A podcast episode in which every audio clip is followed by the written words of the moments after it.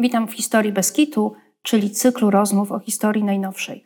Moim dzisiejszym gościem jest pan Piotr Majewski, historyk, badacz dziejów najnowszych, profesor Uniwersytetu Warszawskiego oraz były wicedyrektor Muzeum II wojny światowej. Dzień dobry. Dzień dobry. Skąd się wzięła Czechosłowacja? Czechosłowacja wzięła się z pewnego pomysłu. Takiego państwa nie było przed 1918 rokiem nigdy na mapie Europy. Yy, nie można w związku z tym powiedzieć, że Czechosłowacja w 1918 roku odzyskała niepodległość. Ona tę niepodległość po raz pierwszy dopiero uzyskała. Po raz pierwszy w ogóle pojawiła się, pojawiło się takie pojęcie w dyskursie politycznym. Właściwie nie było nawet Słowacji. To znaczy były wcześniej ziemie czeskie yy, i te miały dość precyzyjnie zdefiniowane granice, ale gdybyśmy chcieli wskazać na Słowację w sensie terytorialnym, mielibyśmy z tym problem, ponieważ e, ziemie, na których mieszkali Słowacy, wchodzili w skład, wchodziły w skład, przepraszam, Królestwa Węgier, ale nie stanowiły jakiejś ściśle wyznaczonej jednostki administracyjnej. Dla Węgrów to były po prostu felwidek, górne ziemie. E, można co najwyżej było mówić o Słowaszczyźnie, czyli terenach etnograficznie słowackich, ale Słowacja jako część Czechosłowacji obejmowała obszar większy, również e, taki, na którym mieszkali Węgrzy, e, Rusini. A więc był, była to, można powiedzieć, był to twór polityczny. Pomysł na Czechosłowację narodził się podczas I wojny światowej w kręgu czeskich i słowackich emigrantów, którzy podjęli u boku państw Entente walkę o, stworzenia, o stworzenie takiego państwa. E, najważniejszą postacią po stronie czeskiej był profesor praskiego czeskiego uniwersytetu Tomasz, Tomasz Garik Masaryk, e, jedna z najwybitniejszych e, postaci w czeskiej historii w ogóle, a już z całą pewnością na pewno w czeskiej historii XX wieku. Po stronie słowackiej wymienić trzeba Milana e, Sztefanika, który był Słowakiem, ale od lat już mieszkającym we Francji, francuskim oficerem, podróżnikiem, astronomem, poszukiwaczem przygód, e, wolnomularzem. I e, Czesi i Słowacy, którzy, których nie było wcale wielu, to była garstka ludzi, e, przekonali do swoich racji państwa Entente. Udało im się dzięki bardzo zręcznej kampanii politycznej po pierwsze wytłumaczyć na Zachodzie, kim są Czesi, bo kiedy Masaryk zaczynał swoją e, wielką kampanię na rzecz stworzenia takiego państwa i mówił, Francuzom, że on reprezentuje Czechów, czyli e, wtedy używał pojęcia leboem, to, to się kojarzyło Francuzom z cyganami albo z cyganerią. Oni w ogóle nie wiedzieli, o kogo chodzi. To była zasadnicza różnica w stosunku do Polaków. Tak? Każdy wiedział w Europie, że są jacyś Polacy, ci Polacy nie mają niepodległości i od 100 lat ponad robią bardzo wiele głupich rzeczy, się śmieję oczywiście, żeby tę niepodległość odzyskać. E, wiele no, osób... ale, ale państwo polskie istniało, yy, istniało, a tutaj? No właśnie, e, tu jest pewna różnica. Państwo czeskie też istniało formalnie, ale było częścią składową państwa Habsburgów. E, państwo słowackie, jak już powiedziałem, nie istniało nigdy. Czyli nie było czegoś takiego nigdy jak Czechosłowacja, były natomiast Czechy. Ale większość Czechów, aż do końca I wojny światowej, zachowywała jaką taką lojalność wobec państwa Habsburgów. To znaczy uważała tych Habsburgów za prawowitą y, dynastię. Bo też ci Habsburgowie y, no, nie weszli w posiadanie ziem czeskich w wyniku jakiejś wojny napastniczej albo rozbiorów, ale no, po prostu ten tron kiedyś tam odziedziczyli i od XVI wieku nieprzerwanie Czechom e, panowali. To, że w ogóle Czesi zdecydowali się wejść na drogę niepodległości, wcale nie było oczywiste.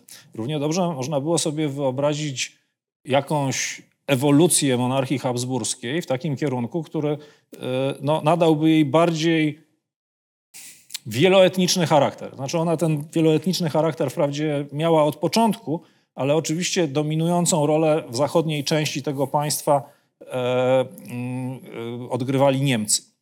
I e, oni nawet byli gotowi trochę ustąpić Czechom. Czesi w ostatnim ćwierćwieczu XIX wieku walczyli sobie naprawdę bardzo dużo różnych e, ustępstw, również w sferze językowej, w gospodarczej, uzyskali własny uniwersytet e, i można powiedzieć, że dołączyli do grona w pełni rozwiniętych narodów europejskich. Ale na jedną rzecz Niemcy austriaccy nie chcieli się zgodzić, to znaczy nie chcieli się zgodzić na taką przebudowę monarchii, w której Czesi mieliby tę swoją wyodrębnioną w ramach monarchii państwowość. Tak jak w 1867 roku monarchia przekształciła się w Austro-Węgry i w ten sposób uznane zostały ambicje państwowe, narodowe Węgrów, tak Habsburgowie nie mogli i nie chcieli się zgodzić na podobny krok w stosunku do Czechów. Dlaczego? Dlatego, że ziemie czeskie zamieszkiwali e, w tym czasie nie tylko Czesi, ale również bardzo silna i bardzo wpływowa mniejszość niemiecka. I ta grupa, która zresztą wtedy się nie uważała za żadną mniejszość, ona się po prostu uważała za naród rządzący monarchią Habsburgów, ona się nie godziła na taki kompromis. E, bo siłą rzeczy wtedy, w takim wydzielonym w ramach monarchii habsburskiej państwie czeskim, ci Niemcy staliby się właśnie mniejszością. Więc tam od, e, no właściwie od 1867 roku panował albo regularny klincz, albo przynajmniej co jakiś czas dochodziło do klinczu pomiędzy aspiracjami narodowymi Czechów a obroną stanu posiadania ze strony Niemców. I te wzajemne dążenia obu tych narodów tak się zapętliły, że ani Czesi, ani Niemcy, ani dwór w Wiedniu nie potrafili znaleźć z tego e, punktu wyjścia. Jak to się stało zatem, że to, to państwo jednak powstało? Żeby to państwo powstało, e, musiało e, najpierw dojść do porażki Austro-Węgier e, w czasie I wojny światowej. Austro-Węgry były e, wśród państw centralnych, e, a w każdym razie na pewno w porównaniu z Rzeszą Niemiecką, ogniwem najsłabszym, czy też dużo słabszym.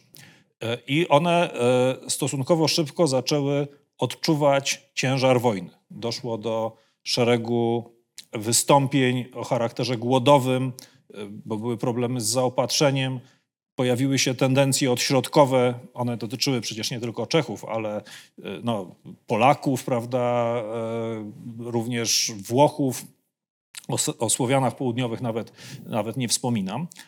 I żeby utrzymać całe to państwo e, w ryzach, tak, no to albo trzeba było przyjąć zasadę rządów silnej ręki i taką politykę prowadziły władze cesarskie, zwłaszcza władze wojskowe w pierwszej fazie wojny, ale kiedy w listopadzie 1916 roku zmarł Franciszek Józef, stary cesarz, który właściwie no, symbolizował całą epokę, ponieważ panował od czasów wiosny ludów, od 1848 roku, to jego następca, Karol I, postanowił zliberalizować politykę państwa amnestionował czeskich polityków, którzy zostali przedtem skazani na e, karę śmierci za zdradę państwa. E, postanowił zwołać Radę Państwa, aby no, te narody mogły się wygadać w parlamencie. Tylko nie przewidział, że tak naprawdę poluzowanie w takim momencie tej polityki doprowadzi do jeszcze większego roz, rozprzężenia. I ponieważ to się wszystko zbiegło z Kolejnym kryzysem, który wywołała rewolucja w Rosji, ona, ona spowodowała e, no, realne e, zagrożenie dla wszystkich właściwie tronów w, w Europie, bo, bo, inne narody e, no, znalazły się pod wpływem tych wydarzeń rewolucyjnych, to w 1918 roku, już w październiku, wiedząc o tym, że armia austro-węgierska jest już u e, właściwie u, u, u, schyłku swoich możliwości. To znaczy, że ona, ona wyczerpała e, wszystkie zasoby i to, że za, chwileczkę się zawali. Cesarz zdecydował się na e, taką próbę ratowania monarchii poprzez ucieczkę do przodu. To znaczy ogłosił manifest, w którym zaproponował federalizację monarchii, ale na zasadzie etnicznej. To znaczy, że Czesi uzyskaliby taką właśnie część wydzieloną dla siebie e, państwa e, i każdy naród miałby taką swoją część, ale tylko w granicach etnograficznych. Czesi się na to nie godzili. Ale ponieważ już w tym czasie na zachodzie działały e, czeskie instytucje, takie quasi władze emigracyjne, Czesi i Słowacy powołali do tego czasu własną Radę Narodową i występowali jako taki właśnie swoisty rząd emigracyjny. Mieli nawet swoje siły zbrojne, były legiony czeskie czy czechosłowackie, które walczyły po stronie Entente. To e, państwa zachodnie nie przyjęły tej propozycji. No i ostatecznie monarchia e, habsburgska się e, rozsypała jak domek z kart, a Czesi i Słowacy 28 października 1918 roku ogłosili niespodziewanie niepodległość. To był krok którego właściwie nikt wtedy się nie spodziewał, ponieważ e, nie uczestniczyli w nim ani ci politycy emigracyjni, ani liderzy polityczni z kraju. Jedni i drudzy spotkali się w tym czasie w Genewie, przebywali w Genewie, gdzie negocjowali, jak to państwo będzie wyglądało, a pod ich nieobecność w Pradze politycy drugiego garnituru, tak można powiedzieć, ogłosili niepodległość, wydając bardzo krótką e, ustawę. To jest niesamowita historia. Prawda? E, ustawa brzmiała: Państwo czechosłowackie wstępuje w życie. E, I punkt drugi: prawa, które nie stoją w sprzeczności z istnieniem państwa czechosłowackiego, zostają zachowane. I dalej już niejako ten twór zaczął istnieć. Tyle tylko, że oczywiście no, istniał głównie na papierze, na razie na tej kartce, takiej odręcznie, odręcznie spisanej. Żeby mógł zacząć funkcjonować realnie, potrzeba, potrzebna była siła, aby wyegzekwować y, posłuszeństwo i, y, no, można powiedzieć, podporządkować sobie wszystkie te tereny, y, do posiadania których to państwo aspirowało. I tu był problem, bo to państwo aspirowało do posiadania nie tylko ziem etnicznie czeskich. Z tym nie było problemu. Czesi przyjęli proklamowanie niepodległości z entuzjazmem, ale chciało mieć również tereny etnicznie niemieckie, e, a Niemcy czescy wysyłali depesze gratulacyjne do Pragi, ale jednocześnie pisali w tych depeszach, że teraz na zasadzie prawa do samostanowienia to oni chcą się od ziem czeskich odłączyć. Poza tym państwo czechosłowackie, zgodnie ze swoją nazwą, chciało objąć obszary słowackie, które były jeszcze wówczas terenami pod jurysdykcją węgierską. Tam po prostu znajdowały się węgierskie urzędy, węgierska policja i tak dalej. No i wreszcie e, na tych terenach e, mm, węgierskich, należących do państwa węgierskiego, państwo czechosłowackie chciało również uzyskać tereny no, dochodzące do Dunaju, a tam już mieszkała, e, mieszkała ludność węgierska, która w ogóle o państwie czechosłowackim to chyba nie słyszała jeszcze wtedy i nawet pewnie w najgorszych snach nie przychodziło jej do głowy, że stanie się ta ludność węgierska e, obywatelami państwa czechosłowackiego. I aby te tereny mogły zostać podporządkowane, no po pierwsze Czechosłowacja, czy te władze czechosłowackie musiały uzyskać zezwolenie, czy też no, taką zgodę ze strony państwa Entente. I udało im się, udała im się rzecz zupełnie fenomenalna, mianowicie e, państwa zachodnie, w tym przede wszystkim Francja, zgodziły się, aby wysyłać sukcesywnie do Czech tych legionistów, którzy, którzy byli na froncie włoskim czy na froncie e, zachodnim. To nie były duże e, oddziały, ale byli to ludzie wyszkoleni z bronią, z, no, determinacją, aby walczyć o niepodległość. Ta, ta, to morale było w tym momencie niezwykle ważne, bo w tym samym czasie załamało się morale y, armii y, austro-węgierskiej i niemieckiej. Ale co więcej, państwa Entente na prośbę polityków czechosłowackich zgodziły się uznać tych żołnierzy za część sił sojuszniczych. Czyli kiedy ci żołnierze wkraczali na przykład do jakiegoś niemieckiego miasteczka, które miało później znaleźć się w granicach Czechosłowacji, to oni nie występowali jako, wyłącznie jako czescy okupanci. Oni mówili, że oni reprezentują Entente. I y, politycy austriaccy, czy też niemieccy politycy z Austrii sądzili, że to będzie rozwiązanie przejściowe i że na konferencji pokojowej uda się to jeszcze wszystko odkręcić. Ale prawda była taka, że ten, kto miał już w swoich rękach jakiś teren, to go nie wypuszczał. I w ten sposób do, no powiedzmy do końca grudnia 1918 roku państwu, Czech, państwu czechosłowackiemu, czy też Pradze udało się zdobyć kontrolę nad większością e, ziem w tej zachodniej części kraju, do których posiadania to państwo aspirowało. Mówię e, o większości ziem, ponieważ czechosłowackie żądania terytorialne obejmowały e, również Łużyce, na przykład pewną część Górnego Śląska, Kotlinę Kłodzką, ale to powiedzmy te, te, te żądania pomijam. Jeśli chodzi o granice, które Królestwo Czeskie i Margrabstwo Moraw oraz Księstwa Śląska miały w 1914 roku, udało się do, grudnia, do końca grudnia 1918 roku je e, odzyskać. Gorzej było na Słowacji.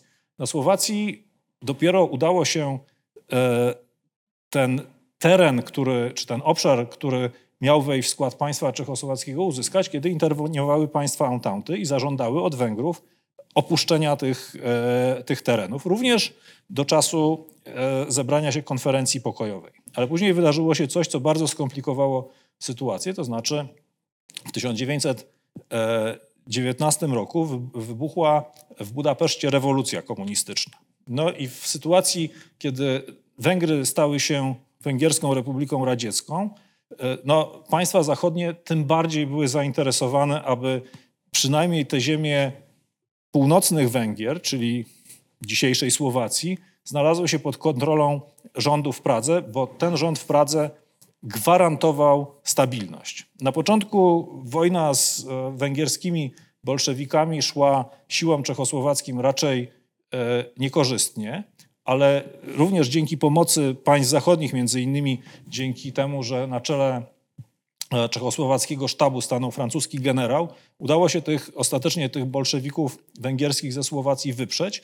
No i e, wtedy e, Czechosłowacja właściwie już zabezpieczyła te swoje granice z dwoma jeszcze wyjątkami. To znaczy nierozstrzygnięta była kwestia granicy z Polską do końca. Chodziło o konflikt o Śląsk Cieszyński, tak zwane Zaolzie, o które oba państwa rozpoczęły wojnę tak naprawdę w styczniu 1919 roku. No i e, dopiero na konferencji e, paryskiej Czechosłowacji została jeszcze dodana Ruś Zakarpacka, taki najbardziej wschodni koniuszek czechosłowackiego państwa, który e, dochodził aż do granic z Rumunią. A więc no dopiero wtedy, czyli, czyli kiedy został podpisany ta, traktat w Trianon, Czechosłowacja E, uzyskała ostateczny kształt swoich, e, swoich granic.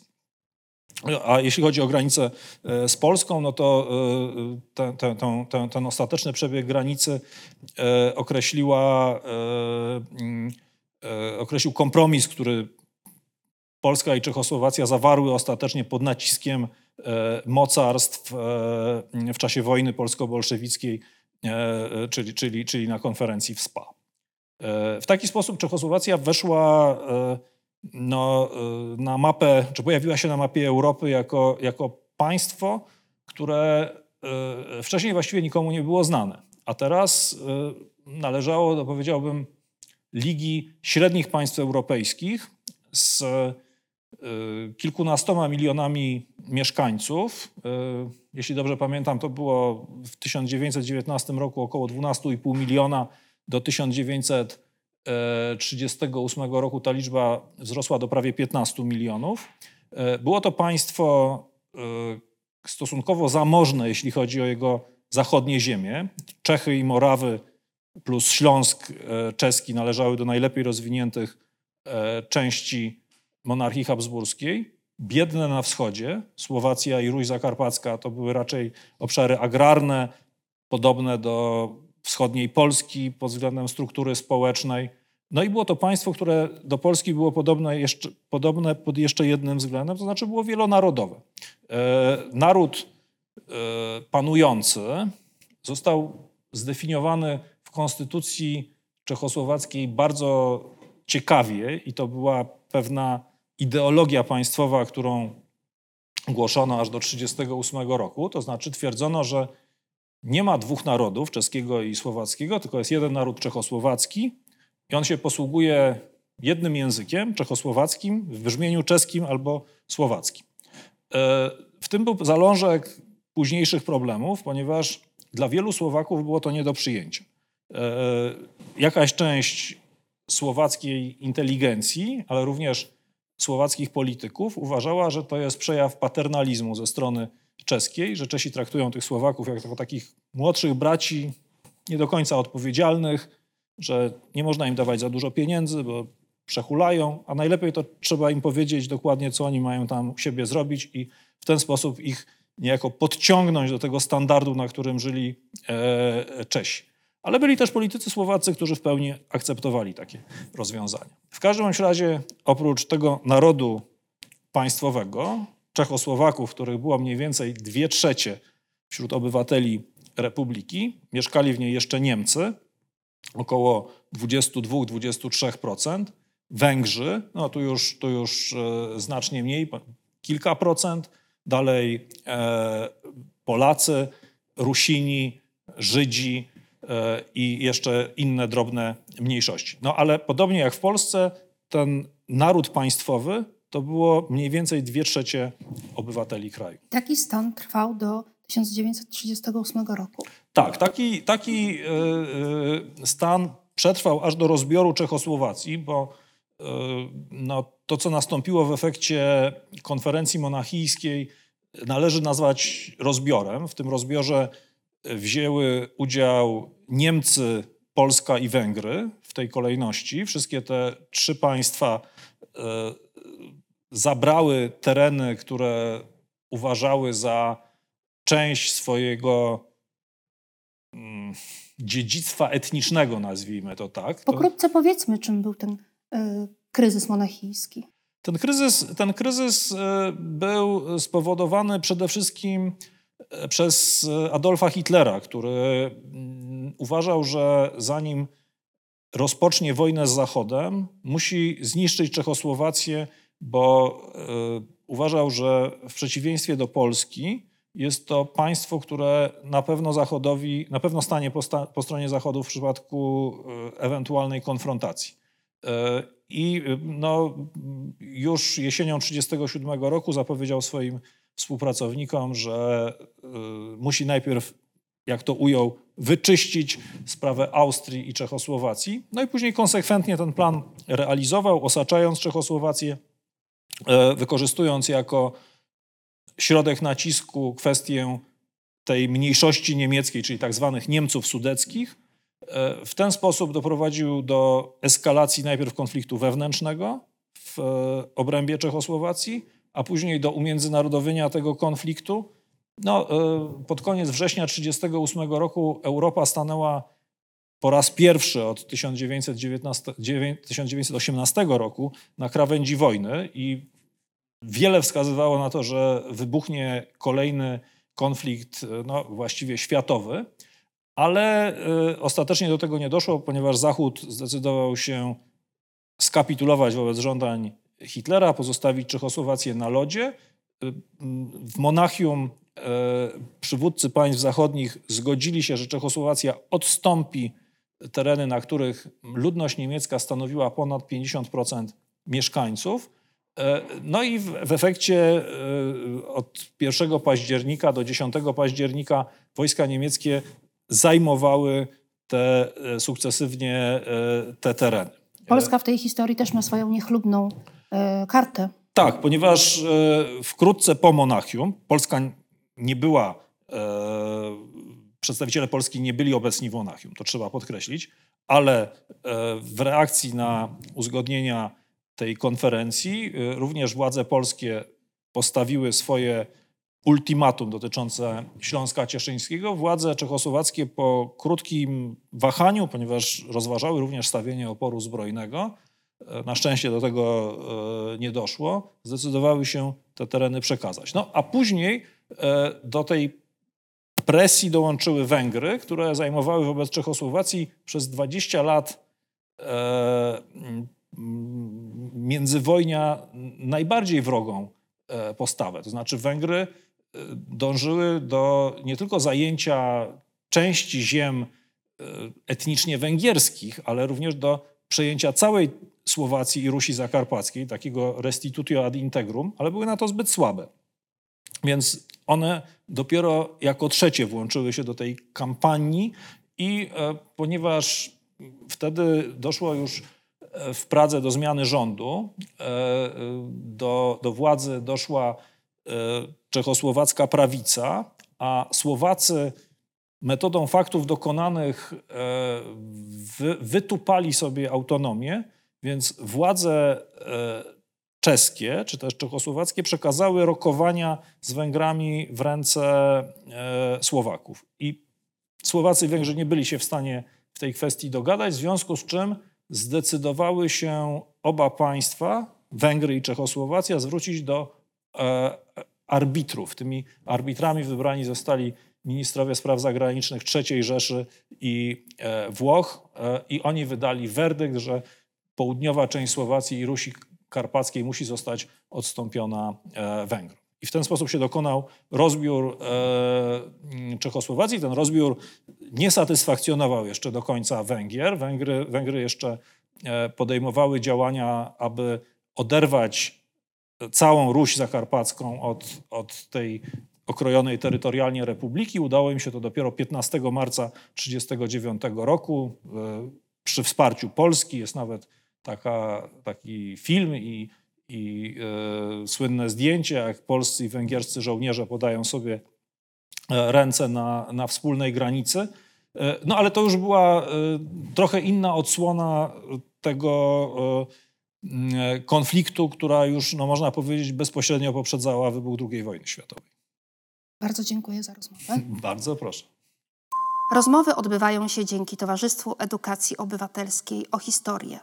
Jak zawsze zapraszamy do subskrybowania naszego kanału YouTube, a także polecamy podcasty na Spotify i Apple Podcasts. Oczywiście wszystko pod nazwą Historia Beskitu.